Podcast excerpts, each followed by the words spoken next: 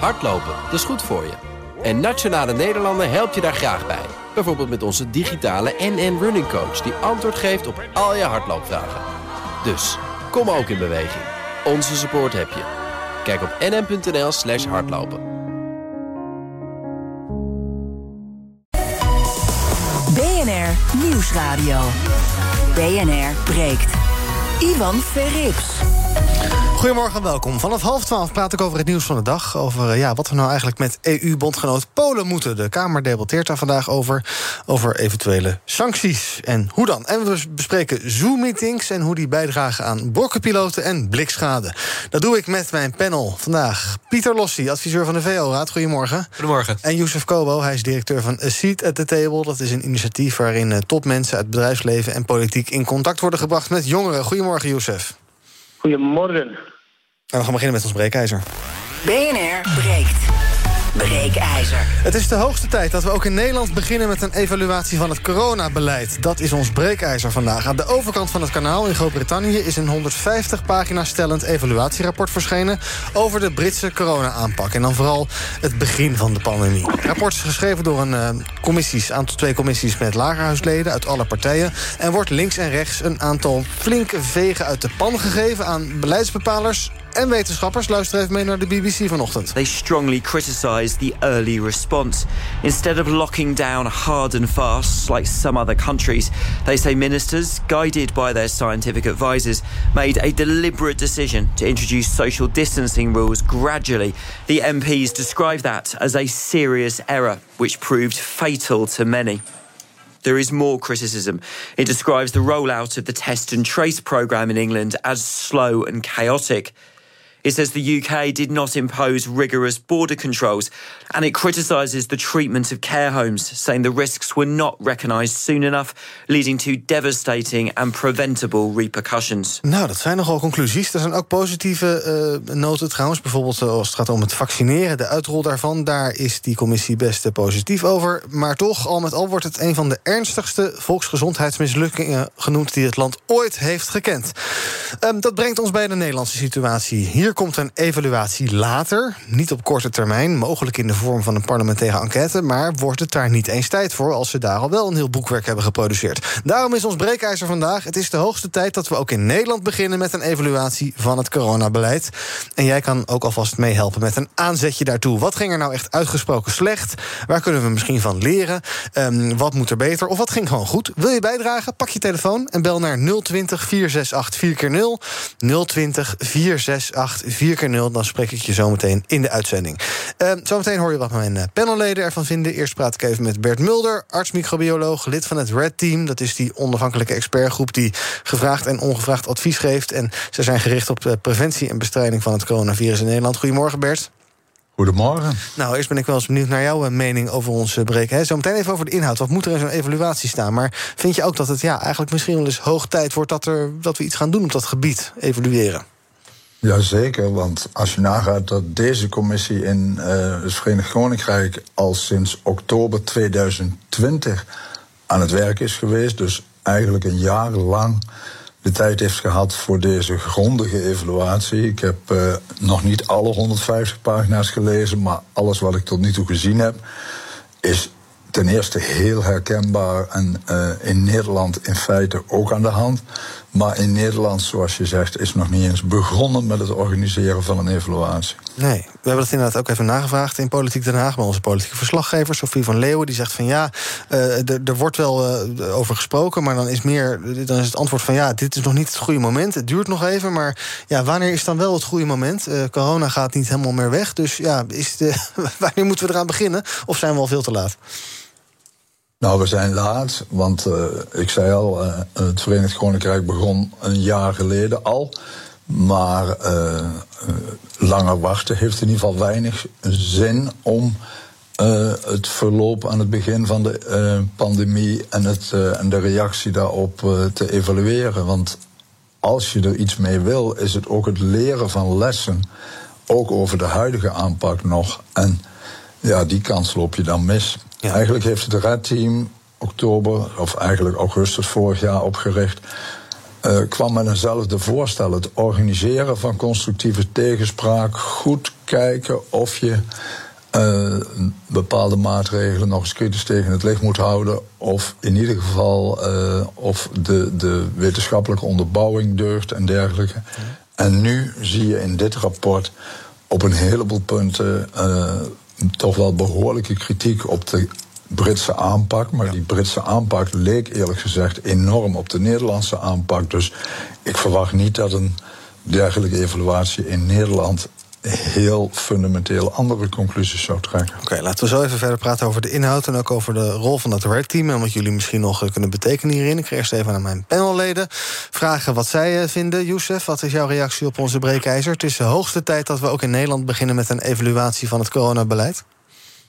Ja, het lijkt me de evidentie zelf dat er een uh, onderzoek komt naar een van de meest belangwekkende naoorlogse gebeurtenissen in Nederland. Hè. Het heeft, uh, we zitten aan 18.000 uh, doden omwille van de, uh, de COVID-pandemie. Dat, dat, vraagt toch om enige reflectie. Dus los van de resultaten en hoe de regering het, ervan af heeft gebracht, moet er toch reflectie komen, onderzoek naar de, de, huidige situatie. Waar is het, net zoals in Groot-Brittannië, waar is het verkeerd gegaan, waar is het misgegaan, wat kunnen we beter doen? En uiteraard ook is het ook net zoals een collega het net zei uh, is, het ook zeer handig om, voor toekomstige uh, maatschappelijke uitdagingen, pandemieën, om, zo'n uh, verslag bij de hand te hebben natuurlijk. Ja. Hoe staat het in België? Zijn er wel bewegingen die kant op of eigenlijk ook niet echt? Nee, daar, daar, bestaat ook de vraag naar een uh, grondige evaluatie. Zeker in het begin van de pandemie kwam de Vlaamse minister van Volksgezondheid zwaar onder druk wegens ernstige fouten. Maar uh, ja, dat is ook uh, snel weggewaafd geweest. Dus ook bij ons zijn er zware ernstige fouten gemaakt. Wij, we hebben een kleinere, maar 11 miljoen inwoners, een pak minder dan Nederland, maar we zitten wel aan 25.000 coronadoden. Dus bij ons zijn er ook serieuze fouten gemaakt.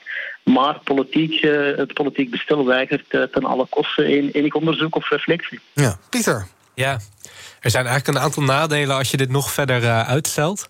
Eén is dat het gewoon minder relevant wordt. En dat mensen in de samenleving er in die zin ook minder relevantie aan gaan hechten. En dat dus zo'n advies, zo'n evaluatie in die zin minder kracht krijgt. Daarnaast, we weten natuurlijk in Den Haag dat men op termijn problemen krijgt met actieve herinneringen. Op het moment dat je nog langer wacht, dan kan ik me voorstellen dat een deel van alle informatie en alle herinneringen uh, zullen zijn verdwenen. Daarnaast hebben we natuurlijk, gaan we een parlementaire enquête krijgen over gaswinning in Groningen. waarschijnlijk nog de kindertoeslagenaffaire. En volgens mij valt deze er ook wel tussen. niet alleen vanuit volksgezondheidsoogpunt, maar ook als je bedenkt dat bijvoorbeeld we nog steeds niet weten waar die 5,1 miljard van VWS uh, gebleven is. Ja. Uh, onrechtmatig uitgegeven. we hebben de bonnetjes er niet van.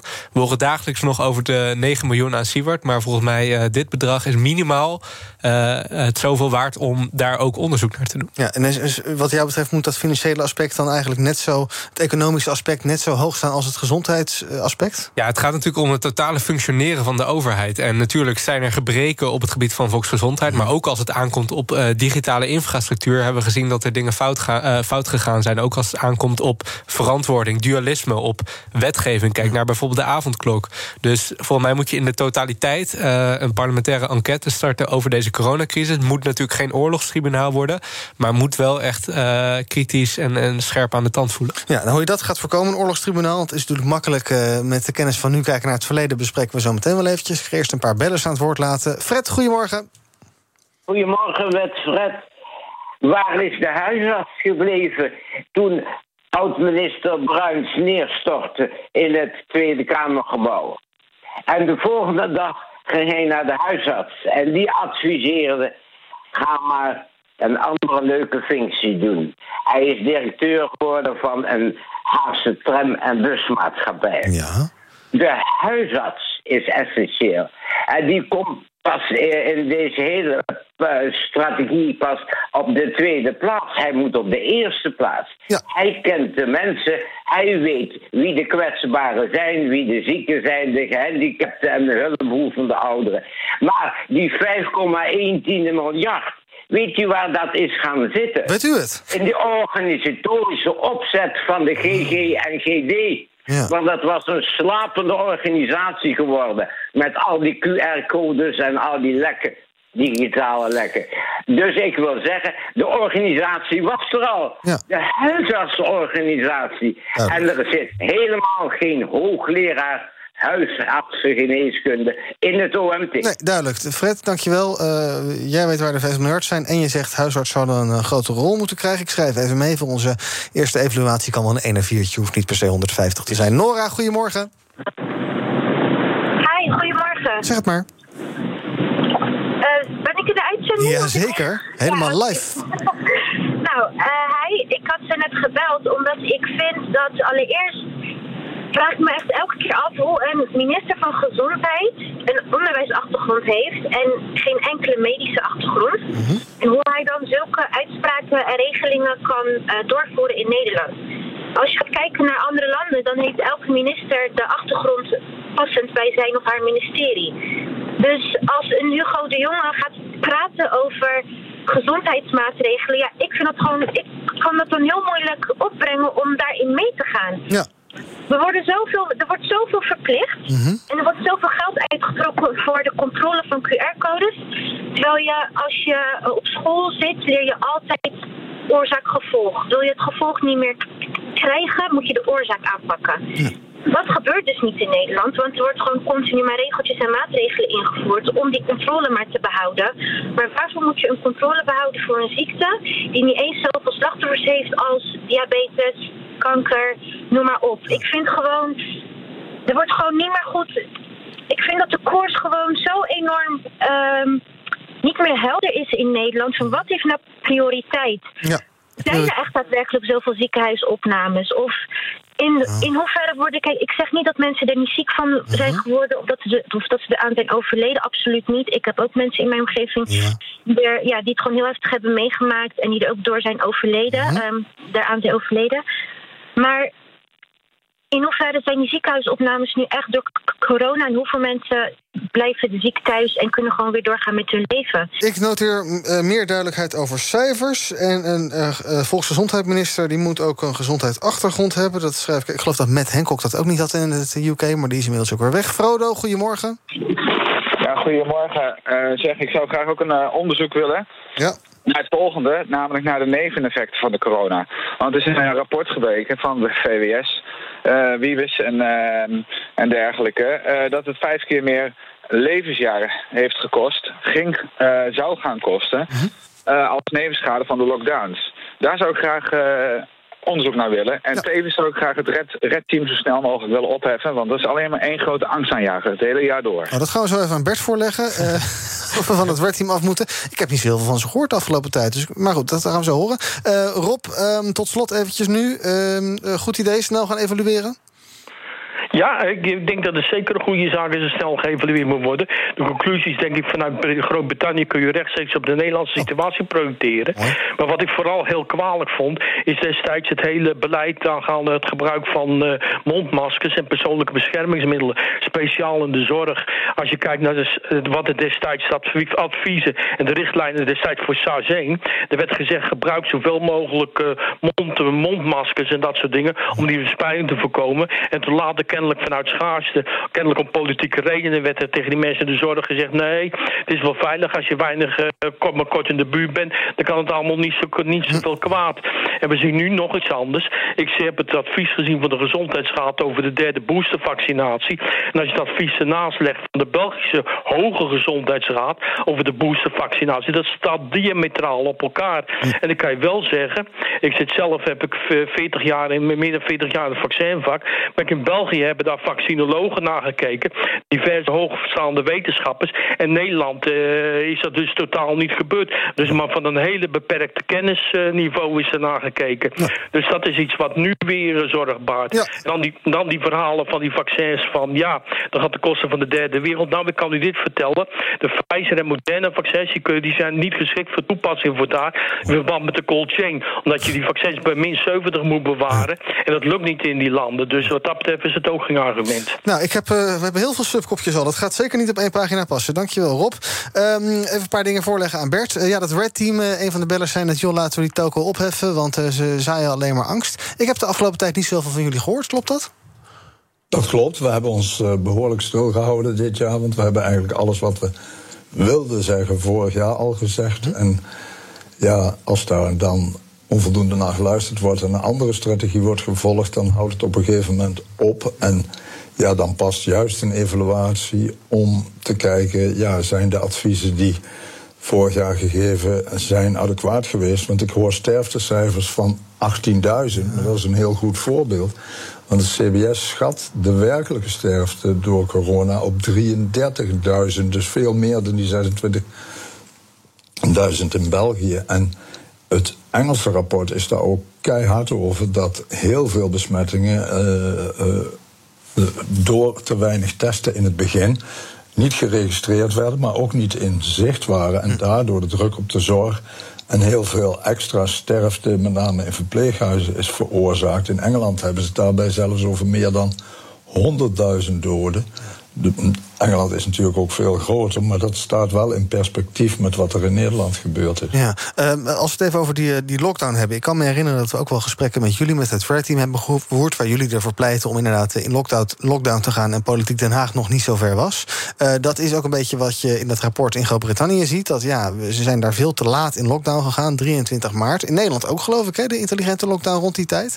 Um, is dat inderdaad, ja, had daar dus inderdaad, ja, in ons geval politiek Den Haag meer durf moeten tonen en meer lef moeten hebben en uh, dat, gewoon die knoop door moeten hakken. In plaats van maar. Achteraf kijk je de koe in de kont, zeggen ze in uh, Twente. Maar uh, dus over de eerste golf, toen bestond het redteam overigens nog niet. Nee. kun je dat achteraf zeggen dat de aanpak zoals die in Azië, landen met ervaring met SARS en MERS, gehanteerd werd, een veel betere is gebleken dan de aanpak in uh, veel Europese landen. En dan met name de landen die aanvankelijk dachten dat er groepsimmuniteit opgebouwd kon worden.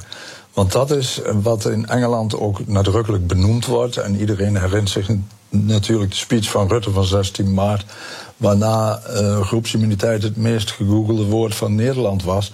Maar inmiddels wordt ontkend dat die speech over groepsimmuniteit ging. En dat is natuurlijk heel raar. Ja, nou, zijn het hele terechte zaken van uh, ja, hoe langer je wacht, hoe uh, minder relevant zo'n evaluatie wordt. Ja. En je moet dan zelfs de vraag stellen: is dat het uh, doel van het uitstellen van die evaluatie? Want nogmaals, er is geen enkele reden om een goede evaluatie. Dat is ook ik vind het van kracht getuigen dat het in Engeland wel gebeurt. De kritiek is soms hard, maar de bedoeling is wel om ervan te leren en uh, voortaan een betere aanpak te kiezen, ook in de organisatie van de structuren. En in Nederland is natuurlijk veel gewaarschuwd. Uh, en wat we hier gezien hebben, is dat de tweede golf dat was een golf die ze in Engeland helemaal niet gehad hebben. Hun tweede golf was de Britse variant. Ja. Maar dat was onze derde golf. Ja. Als je begrijpt wat ik bedoel. Dus wij hadden in september al een toename waar toen het redteam voor waarschuwde. En afgelopen juli hebben we natuurlijk al een vierde golf gezien met enorm veel besmettingen weer boven de 10.000. Omdat wederom onderschat werd wat die Delta-variant uh, aan het doen was. Ja. Youssef, als ik dat rapport zo lees, dan lees ik, uh, uh, ja, wat ik al zei, er is van alles misgegaan. lockdowns te laat, testen te laat en niet goed, bron- en contactonderzoek niet goed. Dat voelt heel erg als een beschuldigende vinger. Moet je het ook zo zien, of ehm, moet je het toch ook meer zien als opbouwende kritiek en lessons learned en dat soort zaken? Nou, ik... Ja, ik denk dat Nee, Jozef? Ik denk, dat het, ik denk dat het belangrijk is dat we de nodige lessen trekken uit, uh, de gemaakte fouten. Maar natuurlijk, als je te veel. Als, als dit eerder een, een soort van uh, een, een, tribunaal wordt voor, voor onze politie, dan, dan, dan weet je bij voorbaat dat dit op voorhand gaat geblokkeerd worden. Mm dus ik, ik zou er toch wat voorzichtig mee, mee zijn. Het is een ongeziene crisis. Ik, ik, kijk eerder naar zo'n evaluatie, naar zo'n onderzoek als een, een, een soort van handboek, playbook voor uh, komende crisissen. Natuurlijk, als er ernstige fouten zijn gemaakt, uh, moet daar politieke verantwoordelijkheid voor opgenomen worden. Voor opgenomen worden. Maar ja, hoe doe je dat? je zit binnenkort met een nieuwe regering. welke gevolgen kan je daaruit trekken? met de vorige beleidsmakers die alles beslist hebben. Dus ik zou, ik zou er toch vooral naar kijken naar laten we zeggen, een, een, playbook waarmee we in de nabije toekomst beter kunnen omgaan met, of beter kunnen incalculeren wat de psychische gevolgen zijn van een lockdown, wat de economische gevolgen zijn. Uh, wat doen we met privacy, wat doen we met de grondwet? Hè? Want uh, ja, zo'n lockdown, uh, hoeveel keer hebben we niet bepaalde parameters van, de, van de democratie overschreden met al die haastige en zware ingrijpende maatregelen? Dus ik zou eerder kijken naar de lessen, lessen die we kunnen trekken dan dan op jacht gaan, op echt gaan op uh, beleidsmakers en politici. Ja, Pieter, hoe kunnen we dat op een verstandige manier doen? Want is, wat, je, wat, we, wat we net al constateerden, is natuurlijk makkelijk om achteraf te kijken en dan te zeggen: ja, dat ging niet goed en dat ging niet goed. En daar deden ze niet wat goed in de OMT. En ja, dat is, het is natuurlijk makkelijke kritiek leveren achteraf. Dus hoe zorg je dat het constructief wordt? Ja, volgens mij moet je zoveel mogelijk, uh, uh, zoals dat ook bij de toeslagenaffaire is gebeurd, vanuit de Kamer van verschillende partijen, Kamerleden afdragen die bepaalde expertise hebben om hier onderzoek naar te doen. Je maakt er wel een terecht punt. In de zin van dat ik denk dat de Nederlandse overheid veel te verwijten is als het aankomt op uh, financiën, dus juridische zaken, organisatorische zaken. Denk ook aan die beschermingsmiddelen in verpleeghuizen. Maar wat ik wel een beetje makkelijk vind achteraf, en dat zie je ook in het rapport uit Engeland, dat er eigenlijk gezegd wordt: ja, jullie hebben een verkeerde strategie gekozen. Terwijl de wetenschap daar ook zei: deze strategie moeten jullie gaan volgen voor het meest effectieve coronabeleid. En eigenlijk hebben jullie daarmee te veel naar de wetenschap geluisterd. Ik geloof wel dat de, de mensen in Den Haag en ook in Engeland zoveel mogelijk vanuit eer en geweten handelen. En dat natuurlijk die wetenschappelijke kennis uh, afgelopen anderhalf jaar door de tijd inderdaad ontwikkeld is. En dat je achteraf moet zeggen, ja, dat hadden we misschien op bepaalde punten anders kunnen doen. Maar om ze nou echt te verwijten dat ze te veel naar wetenschappers hebben geluisterd, vind ik ook wel lastig. Alright, dus evalueren ja, uh, snel ja, um, uh, liefst op een constructieve wijze en op de toekomst gericht. En nou, we hebben wat puntjes opgeschreven die alvast mee kunnen worden genomen door die parlementaire enquête. Want dat wordt het wel, als we dit zo horen, waar dit, welke deelgebieden dit al Pieter, dan uh, kan je er wel drie parlementaire enquêtes op los gaan laten, denk ik zomaar. Zeker, dat is waar. En dat maakt natuurlijk wel dat ook deze formatie daarmee een extra dimensie krijgt. Want op het moment dat je uh, die drie parlementaire enquêtes krijgt, gaswinning, gaswinning Groningen, uh, to toeslagenaffaire en ja. coronacrisis, dan bestaat de kans natuurlijk dat een aantal bewindspersonen ook weer zullen moeten gaan aftreden om uh, verantwoording uh, te nemen. En dat doet natuurlijk ook wel wat met de stabiliteit en de wil van van partijen nu om in zo'n coalitie te stappen. Ja, en dat is misschien ook de reden waarom er nu nog niet geëvalueerd is. Exact. Want ja, de Kamer denkt ook, laat het maar voor ons uitschrijven. Um, dankjewel, Bert Mulder, arts-microbioloog, lid van dat Red Team. Um, en uh, zometeen ga ik verder praten met Pieter en met Youssef over het uh, nieuws van vandaag. Over EU-bondgenoot Polen. Althans, is dat nog wel een bondgenoot? Wat moeten we daarmee aan? Zijn uh, financiële sancties een optie? we hebben het over brokkenpiloten door Zoom-meetings vanuit de auto. En we praten over het oudste beroep van de wereld. Nee, het is niet wat je denkt. Het gaat over bakkers. Tot zo, een BNR Break. Hardlopen, dat is goed voor je. En Nationale Nederlanden helpt je daar graag bij. Bijvoorbeeld met onze digitale NN Running Coach... die antwoord geeft op al je hardloopvragen. Dus, kom ook in beweging. Onze support heb je. Kijk op nn.nl slash hardlopen.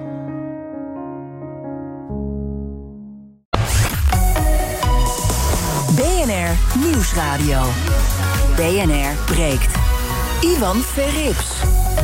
Welkom terug bij BNR Breekt. In mijn panel vandaag Pieter Lossi, adviseur van de VO-raad... en Youssef Kobo van A Seat at the Table. En eventjes over die Vodafone-storing. Uh, Vodafone meldt een half uurtje geleden dat hun uh, storing gedeeltelijk verholpen is... en dat ze nog werken aan een oplossing voor alle klanten. Dus uh, mocht je nog niet kunnen bellen of internetten, dan weet je hoe het komt... en gewoon lekker naar de radio luisteren. Dat is gratis en altijd te ontvangen. Heel fijn. We gaan het hebben over het nieuws van de dag. Um, de Tweede Kamer debatteert vandaag over mogelijke sancties tegen Polen... in aanloop naar de EU-top van volgende week. Het Poolse Constitutionele Hof oordeelde vorige week dat in sommige gevallen Poolse rechtspraak boven de Europese rechtspraak gaat. En daardoor staan de verhoudingen tussen Polen en Brussel nog meer op scherp. Um, Youssef, um, allereerst maar eens eventjes, uh, ja, jij zit uh, vlakbij Brussel. Hoe, hoe volg jij die uh, ontwikkeling als het gaat om Polen? Ben je team Polen of team Brussel? Ja, ik ben uiteraard team Brussel, ook al omdat mijn achtertuin is natuurlijk. Ja. En nee, even serieus. Uh, je ziet vooral uh, binnen de Europese Senaat dat er weer heel uh, nerveus wordt gereageerd. Want we zitten al twee jaar lang te strijden tegen het, de Orbán-regering in Hongarije. En nu komt Polen daar nog, nogmaals weer eens bovenop. Het belangrijkste dat je moet onthouden uit heel deze situatie is natuurlijk dat het grondwettelijk hof in Polen net heeft beslist dat het nationaal recht in Polen primeert boven eh, boven het Europees recht, gaat regelrecht in, uh, tegen, uh, tegen alle Europese verdragen. En natuurlijk, ja, wat daarachter speelt, is natuurlijk de PiS-partij van de minister, Poolse minister-president, Mateusz Morawiecki. Mm die heeft de rechterlijke macht een paar jaar geleden getaapt en probeert zoveel mogelijk haar vazallen in, in al die rechtbanken te steken. En daar zie je nu enkele uitsluiters van. het. Dus proberen uh, steeds meer en meer uh, die trias-politica te ondermijnen en al de macht naar zich toe te slepen. En, ja.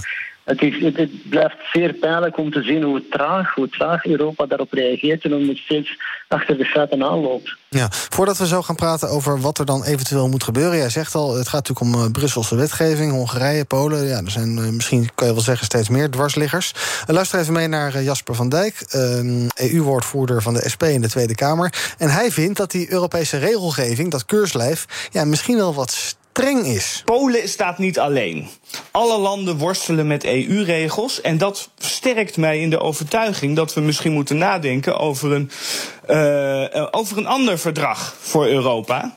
Waarin minder dwingende regels zijn opgelegd. En waar meer, waarin meer ruimte is voor lidstaten om zelf hun eigen regelgeving uh, vorm te geven. Ja, Pieter. Um, Brussel is op ramkoers met uh, Polen, uh, met Hongarije. Um, is Brussel misschien een te, te, te nauw keurslijf en zou daar inderdaad wel iets nou, een oprekking kunnen zijn. Maar ja, hoe ver ga je dan? Ja, uh, deels wel, denk ik. Ik denk dat uh, uh, Brussel niet effectief is als ze de macht wil claimen. Ik denk dat je macht moet verdienen en dat je dat niet doet door dat op te eisen.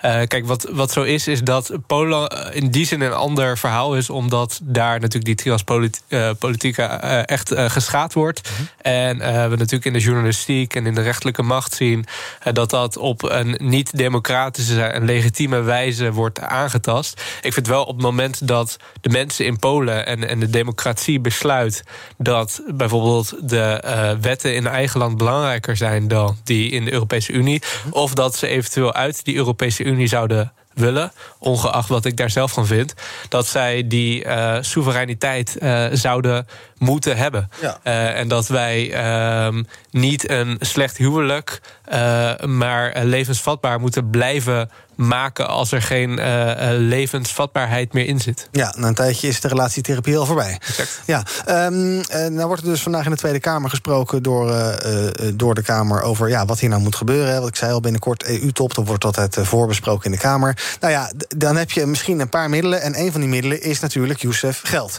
Um, het idee dat besproken wordt is om een, te, een, geen bijdrage te geven aan Polen uit dat corona-herstelfonds van de EU. Dat zou om een bijdrage van tientallen miljarden gaan aan Polen in de komende jaren. Het is natuurlijk wel een beetje een zwaktebod. Hè, dat je zegt van nou, uh, jij luistert niet naar ons, dan krijg je geen zakgeld meer. Het is een beetje kinderachtig. Ja, het is het laatste, ik denk het laatste drukmiddel dat Europa heeft. Inderdaad, zijn al de gesprekken die binnen de EPP plaatsvinden of in het parlement achter de schermen uh, met alle stakeholders uh, maken weinig indruk op, Polen. Dus ik vind het uh, drukmiddel bij uitstek. Het is ook belangrijk om te onthouden dat Polen als EU-lidstaat een, een netto ontvanger is. Dus ze krijgt veel meer dan ze zelf bijdraagt aan de EU.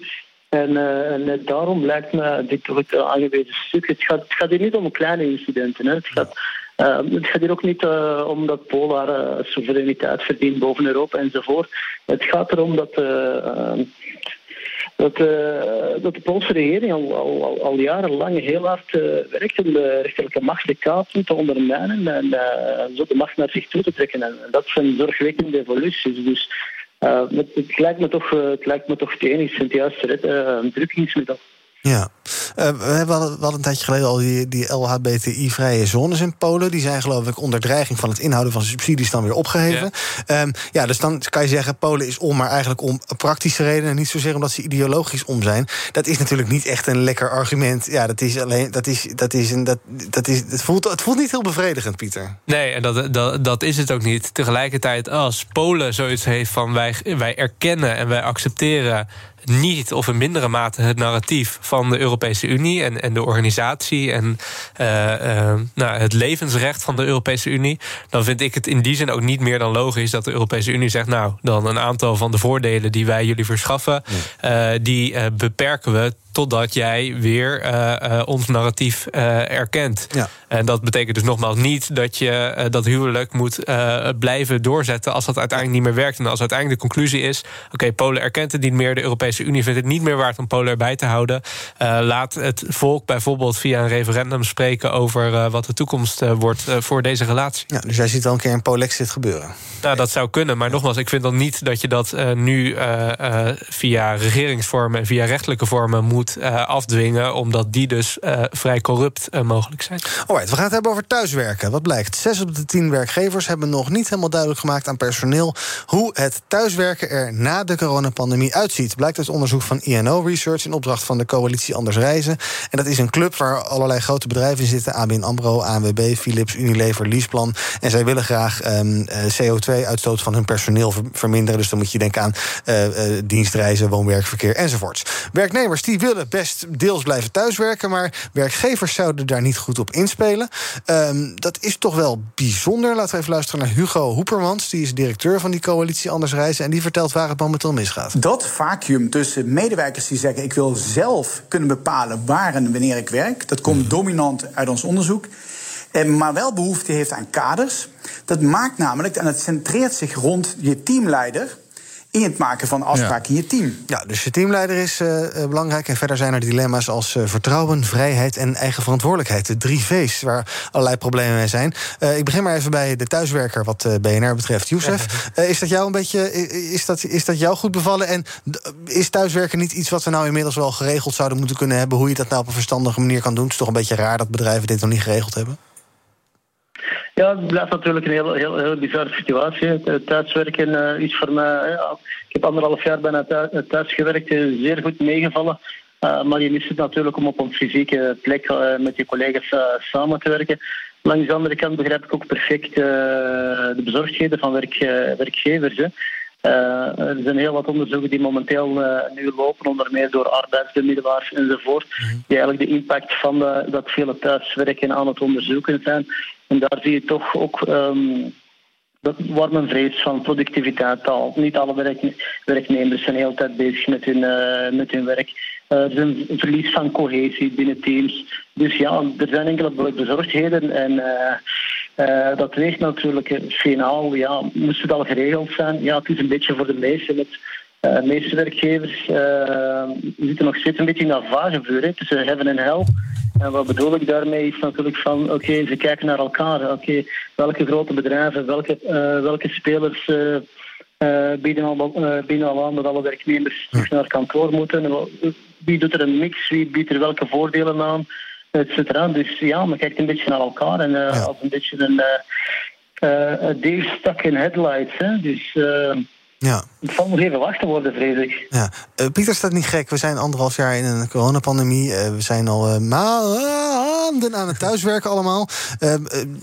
is er een soort miscommunicatie? Of hebben werkgevers onder een steen gelegen? Of willen die werknemers niet? En daar gaat natuurlijk ook een verantwoordelijkheid van uit... om eens bij je baas te informeren van... goh, hoe zit dat? Waar gaat dit mis? Ik moet zeggen dat het bij mijn eigen werkgever, de VO-raad, uh, behoorlijk goed gaat. Mm -hmm. uh, maar wat ik me kan voorstellen is dat nu weer dingen mogen. En dat je dus moet gaan, gaan, gaan testen. Uh, hoe wil je met werkplekken omgaan? Hoeveel vertrouwen heb je inderdaad in je werknemers dat zij ook zaken gaan realiseren op het moment dat zij niet onder het letterlijke toezicht van een baas op een kantoor ja. ergens aanwezig zijn? De drie V's. Precies, ja. dat is gewoon een kwestie van, van, van testen. En ik heb er vertrouwen in als volwassen mensen in deze samenleving dat we daaruit moeten kunnen komen. Goed zo. BNR breekt. Hoe krijg jij de drie V's in, Thomas? Uh, vertrouwen, vrijheid en eigen verantwoordelijkheid. Oh nee, ik was eigenlijk vooral nog bezig met waar die V's voor stonden. Nou, Zo ouderwets ben ik dus Vertrouwen, vrijheid en verantwoordelijkheid. Ja. Nou, ik neem uh, alle verantwoordelijkheid voor het programma na jou. Tussen 12 en 2. En zo vrij is dat allemaal niet. Want om 12 uur moet ik beginnen. En om ja. 2 uur wordt verwacht dat ik er zo ongeveer een einde aan maak. Mm -hmm.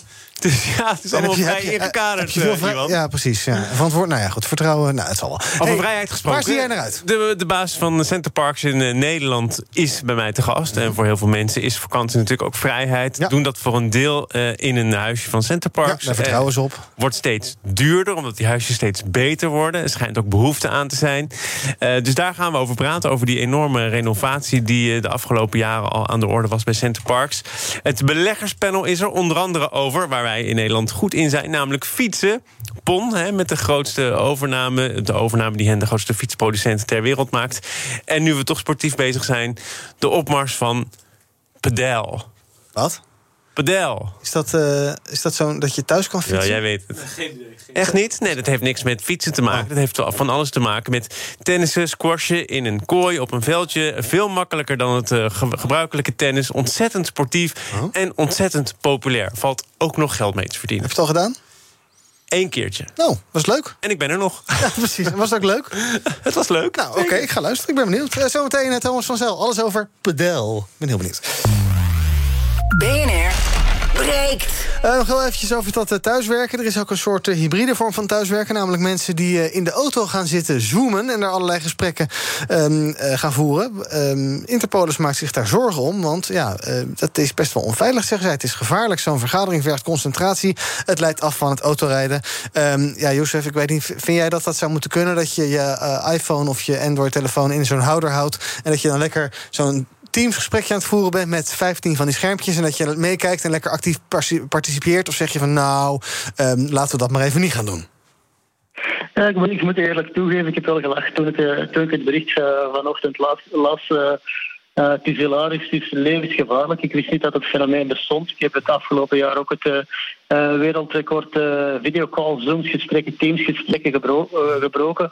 Maar ik heb nog niemand betrapt in al die schermpjes die aan het rondrijden was. Dus ja, we weten allemaal dat bellen levens, levensgevaarlijk is. Levens, heel veel levens kost elk jaar op onze Europese wegen laat staan. Een videocall. Dus wat bezielt die mensen, denk ik dan? Ja, Pieter, ben jij iemand die eh, op de fiets of in de wandelend of in de auto... of in, dat, in de situatie waarvan je eigenlijk denkt van... nou, misschien moet ik het niet doen, toch naar je scherm zitten loeren? Nou, niet met schermloeren, dat zeker niet. Wel is dat ik eh, aan het bellen ben. Of of we in zo'n groepsmeeting zit. Meeluisteren, ja. Precies, maar ik, ik zag dat eh, de experts rondom verkeersveiligheid aangaven... dat dat eigenlijk ook al niet een goed idee is... omdat je dan cognitief bent afgeleid. En eh, het is ook zo dat er in Nederland en in eh, België is dat nog veel hoger... maar jaarlijks 600, ongeveer 600 verkeersdoden vallen. En dat, eh, mij verbaast dat echt nog ontzettend dat dat er zoveel zijn. Dus op zich aandacht hiervoor lijkt me meer dan eh, terecht. Ja, en niet zoomen in auto dus. We gaan kijken wat jullie eh, zelf opgevallen is in het nieuws. Eh, Pieter, jij wilde het hebben over biodiversiteit, geloof ik. Ja, er is namelijk een VN-top in China. Die wordt vanaf vandaag georganiseerd. En die gaat over biodiversiteit. Er is namelijk onderzoek gedaan. En daaruit blijkt dat zo'n 70% van alle. Eh, eh, sinds 1970 is zo'n 70% van alle populaties aan dieren eh, verminderd op deze wereld. En dat komt deels door ontbossing, dat komt door verlies van leefgebied, dat komt door landbouw. En ehm, eigenlijk eh, ehm, wat problematisch is, is dat we nu natuurlijk te maken hebben met inflatie. En met stijgende gasprijzen en eh, met stijgende kosten van ruwe eh, materialen. Terwijl op het moment dat wij bezig gaan als wereld zijnde om veel meer van de kosten, eh, ecologisch gezien, van de eh, ruwe materialen eh, in de prijs te verwerken. Eh, dan ga je zien dat de prijzen de komende decennia alleen nog maar veel verder de pan uit zullen gaan reizen. En dat is problematisch omdat we wel daadwerkelijk iets moeten doen aan het biodiversiteitsverlies. Omdat we het bijvoorbeeld nodig hebben voor de bestijving van heel veel van onze voedselgewaren die we nuttigen. Dus er moet echt veel gaan gebeuren om een, een, een halt te roepen aan, eh, dat, eh, eh, aan die ecologische problematiek. Moet niet losgezien worden van klimaatverandering.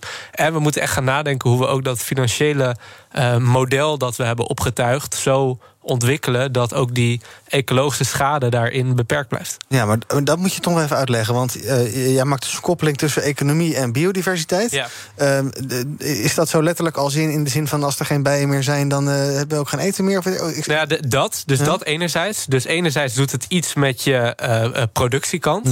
Eh, maar anderzijds is het zo dat eh, nu we veel meer gaan werken aan eh, wetgeving en het voorkomen van bijvoorbeeld biodiversiteitsverlies, dat de producten die we oorspronkelijk maakte in, in het proces, bijvoorbeeld op het gebied van eh, landbouw, bijvoorbeeld op het gebied van het winnen van ruwe grondstoffen, eh, dat die nu vaak veel ecologische schade aanrichten die we nog niet hebben verwerkt in de prijs Ja. waarop zo'n product wordt aangeboden op een markt. Op het moment dat we dat wel gaan doen, en dat moeten we gaan doen, want we hebben geen keus, het, ons leven hangt ervan af in de toekomst, dan zul je waarschijnlijk alleen nog maar zien dat, ja, dat productieketens echt eh, heel kwetsbaar zijn voor al die nieuwe ecologische prijzen die nog in die nieuwe productprijzen moeten worden verwerkt. Pieter pleit voor een biodiversiteitstax.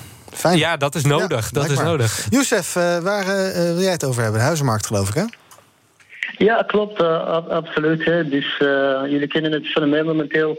Eh, Nederland kampt net zoals België al jaren met een huizencrisis, waardoor dat eh, eh, huizen natuurlijk onbetaalbaar zijn voor de modale Vlaming, voor de modale Nederlander. En eh, nu komt daar het bijkomende fenomeen eh, van de afgelopen jaren. De ECB houdt eh, de rente zeer laag. Dat betekent dat mensen zeer, zeer goedkoop kunnen lenen. En dat iedereen huizen begint te kopen en te verkopen. En dus de huizenprijzen blijven spectaculair stijgen met 10% eh, per jaar bij ons. En ook eh, bij jullie eh, zitten jullie in dat, ongeveer in, eh, rond dat cijfer. Nu, de Woonbond in Nederland komt met een eh, eh, redelijk eh, nieuw interessant fenomeen. En die er bestaat een website, rebit.nl, waarbij aspirant-huurders, dus niet aspirant-kopers, maar aspirant-huurders kunnen bieden om een appartement of een huis te huren. Dus tegenwoordig zijn er geen vaste prijzen meer eh, om, een, om een appartement te huren, maar moet je zelfs tegen elkaar gaan opbieden. En daar gaat het heel snel. En dat lijkt me ja, het is fenomenaal uit de hand aan het lopen. En dan, dan blijft mijn vraag eh, naar de Vlaamse regering toe en naar de Nederlandse regering toe. Van, hey guys, wanneer gaan jullie ingrijpen? Dit blijft eh, eh, uit de hand lopen. Wordt eens wakker. We we weten dat jullie allemaal een, een zeer goed verloond hebben en dat jullie weinig last hebben van de hoge huur- en huizenprijzen. Maar hey, kijk eens naar ons. Ja. Pieter, eh, moeten we inderdaad niet willen dat we kooppraktijken gaan toepassen op huurpraktijken? Dus dat je inderdaad, ja, tegen dat ik zeg van nou, ik bied 800 euro huur, dat je zegt nou, ik bied 1000. Eh, ja, Ja, dat, dat- ja, dat is bizar. Dat is eh, eh, heel slecht. Zeker op het moment dat natuurlijk straks eh, de prijzen van heel veel zaken weer gaan dalen. Mensen vastzitten voor lange termijn aan een bepaald huurcontract dat veel te hoog is. Hypotheken die veel te hoog zijn.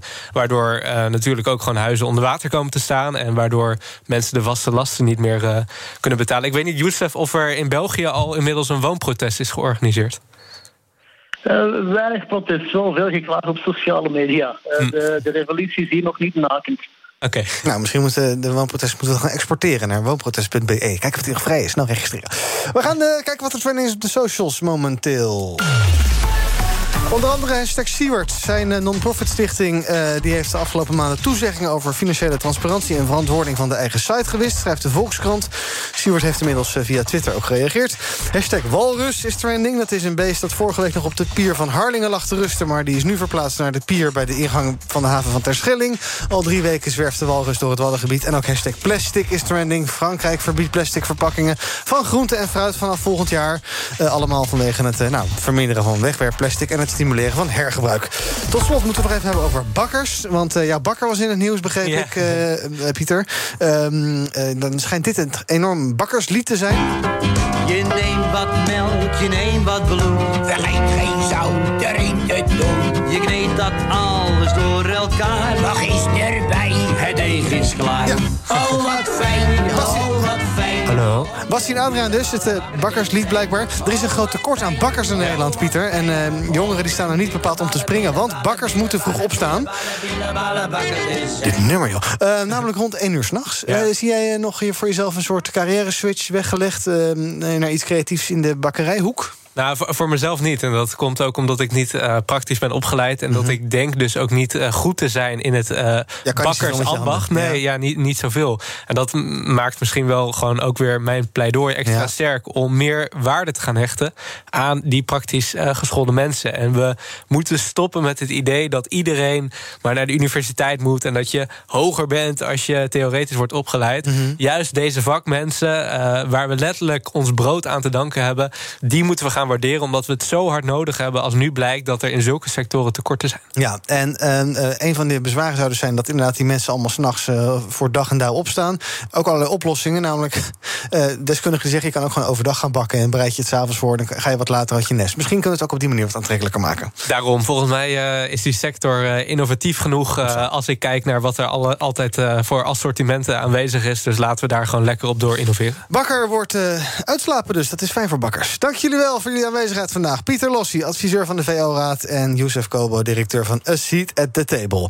Einde van BNR Breekt. Morgen ben ik er weer. Tot die tijd volg je ons via de socials. Uh, BNR te vinden op uh, Twitter, Instagram, YouTube... en natuurlijk gewoon die goede oude website in de browser. Als je internet tenminste werkt bij Vodafone. Anders moet je maar gewoon blijven luisteren. Zometeen zaken doen met Thomas van Zel. Tot morgen. Business Booster. Hey ondernemer. KPN heeft nu Business Boosters. Deals die jouw bedrijf echt vooruit helpen. Zoals nu, zakelijk tv en internet, inclusief narrowcasting... de eerste 9 maanden voor maar 30 euro per maand. Beleef het EK samen met je klanten in de hoogste kwaliteit. Kijk op kpn.com slash businessbooster. Business Booster.